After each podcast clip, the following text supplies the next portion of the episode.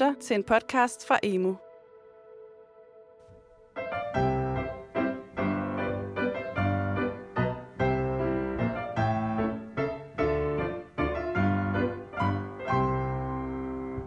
Du lytter til podcastserien Gymnasielyd, produceret af de gymnasiale læringskonsulenter i Børne- og Undervisningsministeriet. Vi er Paul Bridgewater og Susanne Blevad Danielsen.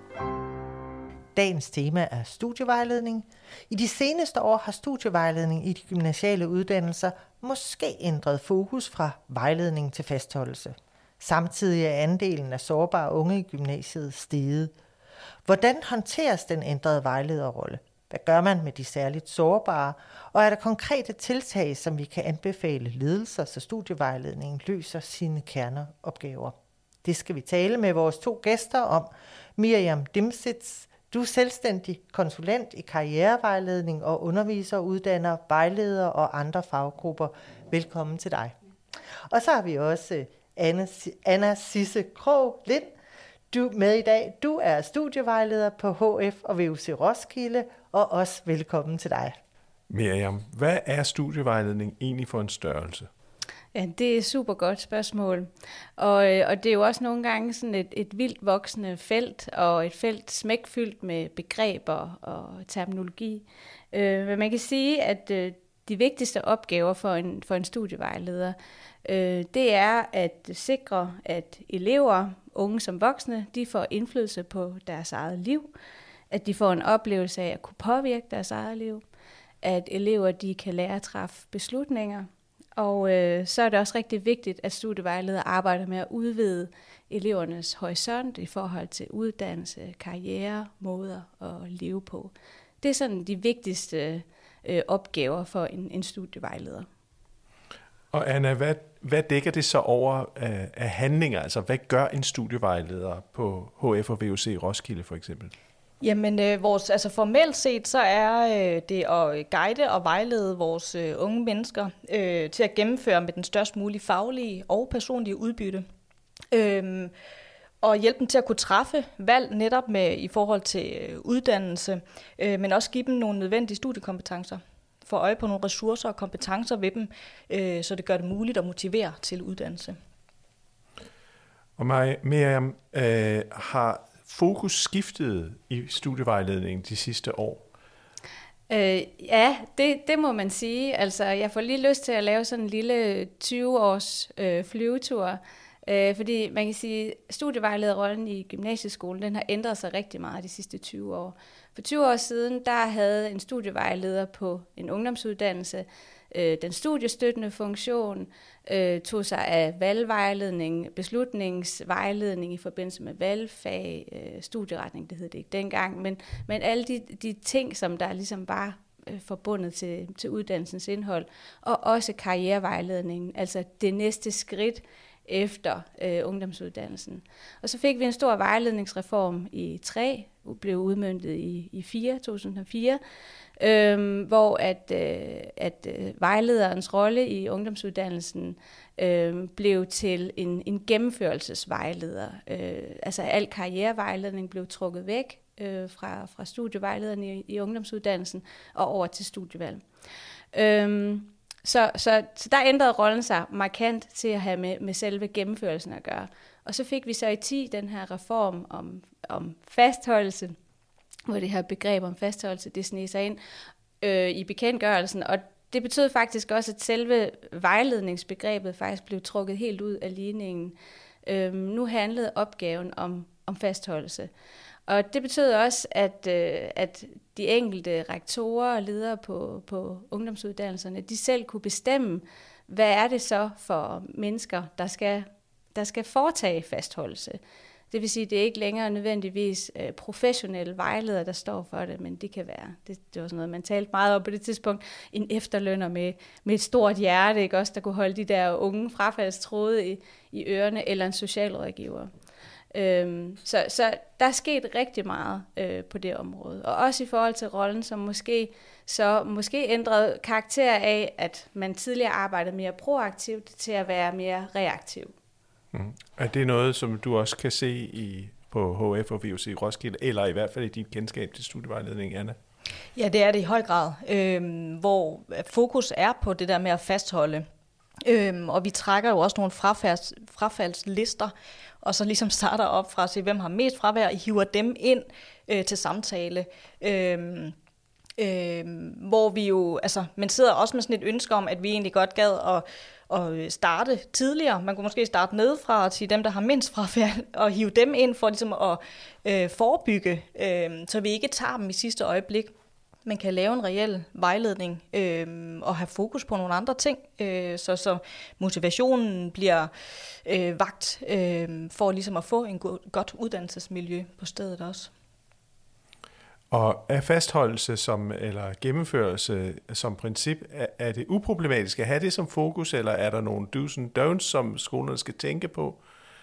Øhm, altså jeg kan, jeg kan huske, da jeg var ude på en skole, så tænkte jeg, okay, jamen, hvis vi, hvis vi fastholder flest muligt, så er der en fare for, at dem, der er, hvad skal man sige, øh, meget dygtige og ambitiøse, øh, ikke føler sig til rette i det miljø, der opstår i klassen, hvis der er mange, der ligesom skal have stor støtte, og de siver måske, så fastholdelse går ligesom i begge ender. Altså det, men hvad er jeres erfaring? Er det en, bare en lærerantagelse? Eller? Nej, det, altså det, det vil jeg sige, du har ret i. Øh, men, men jeg tænker, altså fastholdelse er jo heller ikke... Øh, kun i forhold til dem, som er frafaldstruede, øh, men, men netop at starte tidligt, øh, fordi man kan have brug for vejledning på alle mulige parametre. Øhm, og hvis vi ligger tidligt ind, jamen, så er der måske heller ikke den store frafald øh, ud igennem, altså i løbet af de år, de er ved os.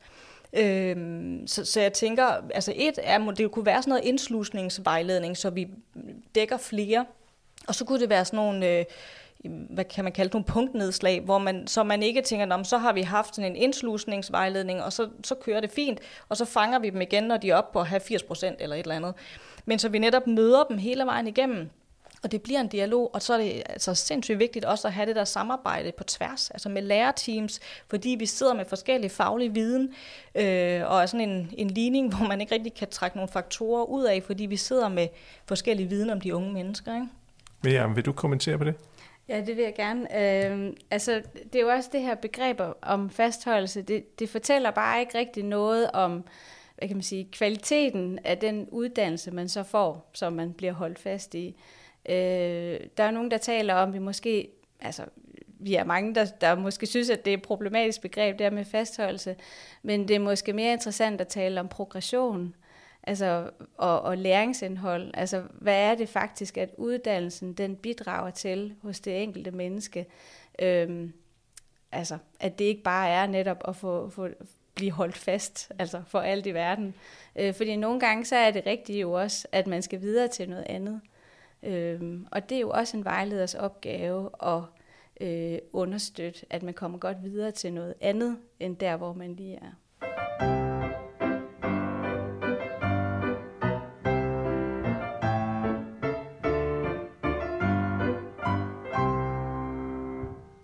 Miriam, i øh, uddannelsesdebatten, der har gruppen af såkaldte sårbare eller udsatte elever fået en særlig opmærksomhed, og gruppen er tilsyneladende voksne, øh, og det kræver måske også noget særligt af lærere, klasseteams og studievejledere. Hvad er studievejlederens rolle i den sammenhæng? Det første, man kan sige, det er, at det i hvert fald ikke er studievejledningsopgave alene. Øh, det er studievejlederen, der i fællesskab med alle skolens professionelle skal samarbejde om den her opgave. Når det så er sagt, så man at studievejlederen har jo en stor øh, indsigt i den her gruppe, hvad det er for nogle problemer, hvad det er for nogle problemstillinger, man oplever som særlig sårbare. Og den viden er vigtig for alle skolens professionelle. Så på den måde så, så bliver studievejlederen en, en virkelig vigtig øh, vidensressource for, for ledelsen også, øh, og, og for de øvrige professionelle, sådan at man netop kan arbejde proaktivt i forhold til, kan vi tilrettelægge uddannelse på nogle andre måder, øh, sådan at, at øh, det ikke, altså, at man ikke bliver sårbar. Øh, der er også nogle forskere, der blandt andet øh, Helene Valgren, som har arbejdet med sårbarhed og korrektiv vejledning. Og hun problematiserer også det her sårbarhedsbegreb og siger, at det i virkeligheden, vi skulle i virkeligheden se det som et skala-begreb. Øh, fordi vi er alle sammen sårbare, fordi vi er mennesker. Øh, vi er også alle sammen ressourcestærke, fordi vi er mennesker. Men vores liv slår nogle slag på nogle måder nogle gange, og sætter os i nogle situationer, som betyder, at vi kan komme i nogle positioner, hvor vi har brug for noget ekstra. Men, men det betyder også på den måde, at, at vejledning måske så heller ikke kun skal være for nogle udvalgte, men at vejledning på den måde skal være en, en service, en ydelse, der, der tilbydes øh, mange. Øh, det er da i hvert fald noget, der taler for, når man kigger på hendes øh, forskning. Mm. Øh, Anna Sisse, hvad er jeres erfaring i den sammenhæng? Jamen, vi får også øh, flere sårbare ind, øh, og vi har også forskellige øh, muligheder at, at tilbyde dem, blandt andet noget SPS. Men også som Miriam siger, er det også vigtigt at vide, hvad ligger i vejledningen, og hvor skal man ligesom vejlede dem videre, hvor der er nogle handlemuligheder øh, og nogle hjælpemuligheder for dem. Øh, når det så er sagt, så er det jo også, øh, Paul, du nævnte øh, 12-tals øh, studerende øh, eller de ressourcestærke. Øh, og dem kan man måske godt komme til at lidt at glemme i den her diskussion, hvor man tænker, at flere og flere øh, ressourcesvage øh, unge mennesker kommer ind i ungdomsuddannelserne, fordi de har også brug for vejledning. Øh, netop med alle de valg, de står overfor øh, og kan føle sig presset. Så det er vigtigt, at man netop hele tiden har det der brede øh, billede på øh, alle unge mennesker. Ikke? Øhm, Anna Sisse, nu talte du om at vejlede videre, og der tænker jeg, måske du tænker på, at de skal til noget andet. Men man kunne også, jeg kunne også spørge dig om, om, øh, om I har nogle særlige øh, gode samarbejder, eller nogen af jer kender til gode samarbejder mellem en skoles studievejledning og så eksterne øh, samarbejdspartnere, når vi taler om måske øh, særligt sårbare. Ja, det har vi. Altså vi har, altså ved os selv har vi SPS, og så laver vi også øh, sådan nogle individuelle øh, studiesamtaler, eller hvad hedder det, øh, handleplaner for dem. Men så har vi jo også øh, samarbejdspartnere med Headspace og øh, den kommunale ungeindsats og Studievalg Danmark, øh, men det er jo så at skulle vejlede videre. Øh, og det er ekstremt vigtigt, at vi har de der samarbejdspartnere øh, og der bliver sat øh, ressourcer af øh, og tid til at netværke med dem her, så der kommer ansigter på, øh, fordi altså, jo nemmere er det at, at tage kontakt til hinanden, så det er sindssygt vigtigt, ja. Kan du sige noget om, hvordan, hvad I gør for at, at opdyrke det gode samarbejde, du taler om netværke? Altså, er det sådan den enkelte vejleder, der har fået nogle gode kontakter, eller hvordan er det? Jamen, vi holder faktisk nogle tværfaglige møder, øh, hvor øh, vi tager forskellige temaer op, øh, hver gang. Øh, vejledende salonger kalder vi dem. Øh, og der, der vidensdeler vi så, øh, og hvad man har fokus på, og hvad er det lige, der rører sig i vores verden og de forskellige instanser, og det er meget givetigt. Hvem vil typisk være med i sådan en salon? Jamen det vil, øh, det vil KUI, øh, og så øh, vejledere fra forskellige gymnasielle øh, sektorer øh, i Roskilde Kommune. Så, ikke? Når vi nu øh, taler om særligt sårbare og alle de her, der skal tale sammen, øh, det, du havde også noget her, Miriam, omkring øh, det at få, få talt sammen i organisationen. Øh, er der en særlig øh, etik for en studievejleder i den her sammenhæng? Skal studievejledningen have en særlig etik? Jamen, øh, det har den allerede. Øhm, man kan sige, at øh, studievejledning som, som profession, øh, den professionelle vejledning, refererer faktisk til en, en, et internationalt professionsfelt, hvor at der er en international, et internationalt etisk kodex, øhm, øh, som, som også, hvad kan man sige, framer øh, den professionelle vejledning i Danmark. Og, øh, og man kan sige, at altså sådan helt overordnet set, så, så er det nu et etisk kodex, som øh, baserer sig på menneskerettighederne, på demokratisk dannelse, på idéer om social retfærdighed. Og det handler om, at øh, intet menneske, uanset køn, klasse, etnicitet, funktionsnedsættelse, hvad det nu kan være, øh, skal begrænses i deres autonomi, deres livsudfoldelse, øhm, og, at, øh, og at vejledningen ligesom skal, skal understøtte det. Og helt konkret så betyder det jo for en vejleder i en organisation, at, øh, at vejlederen så øh, arbejder på hele tiden at understøtte øh, unges adgang til at kunne komme til at deltage i uddannelse. Og som studievejleder på en gymnasial uddannelse, så er det at kunne komme til at deltage, altså sådan reelt deltage i uddannelsen, i uddannelsens fag, øh, i fagmiljøerne, i de fællesskaber, de uformelle fællesskaber, de forskellige øh, ja, arenaer, som der er på en ungdomsuddannelse. Og det er jo alle de flotte ord, du fortalte os her, Miriam. Anna Sisse, er de flotte ord også med i det konkrete arbejde hos jer?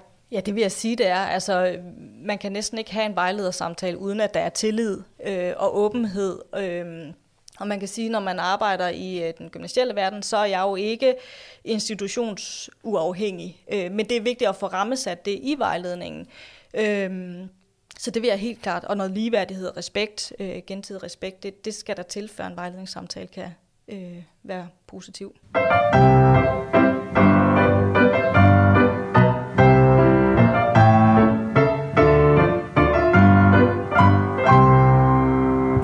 Skoler de lægger typiske studievejlederopgaver, vejledningssamtaler osv. ud til lærerteams.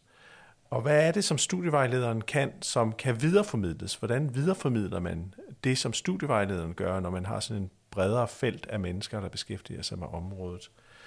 Øh, mere dig først. Så. Ja, tak. Jamen, øh, øh, man kan sige, at den, den nyeste gymnasiereform, den har jo øh, gjort opmærksom på, at vi i alle fagene i gymnasieskolen skal arbejde med karrierekompetencer.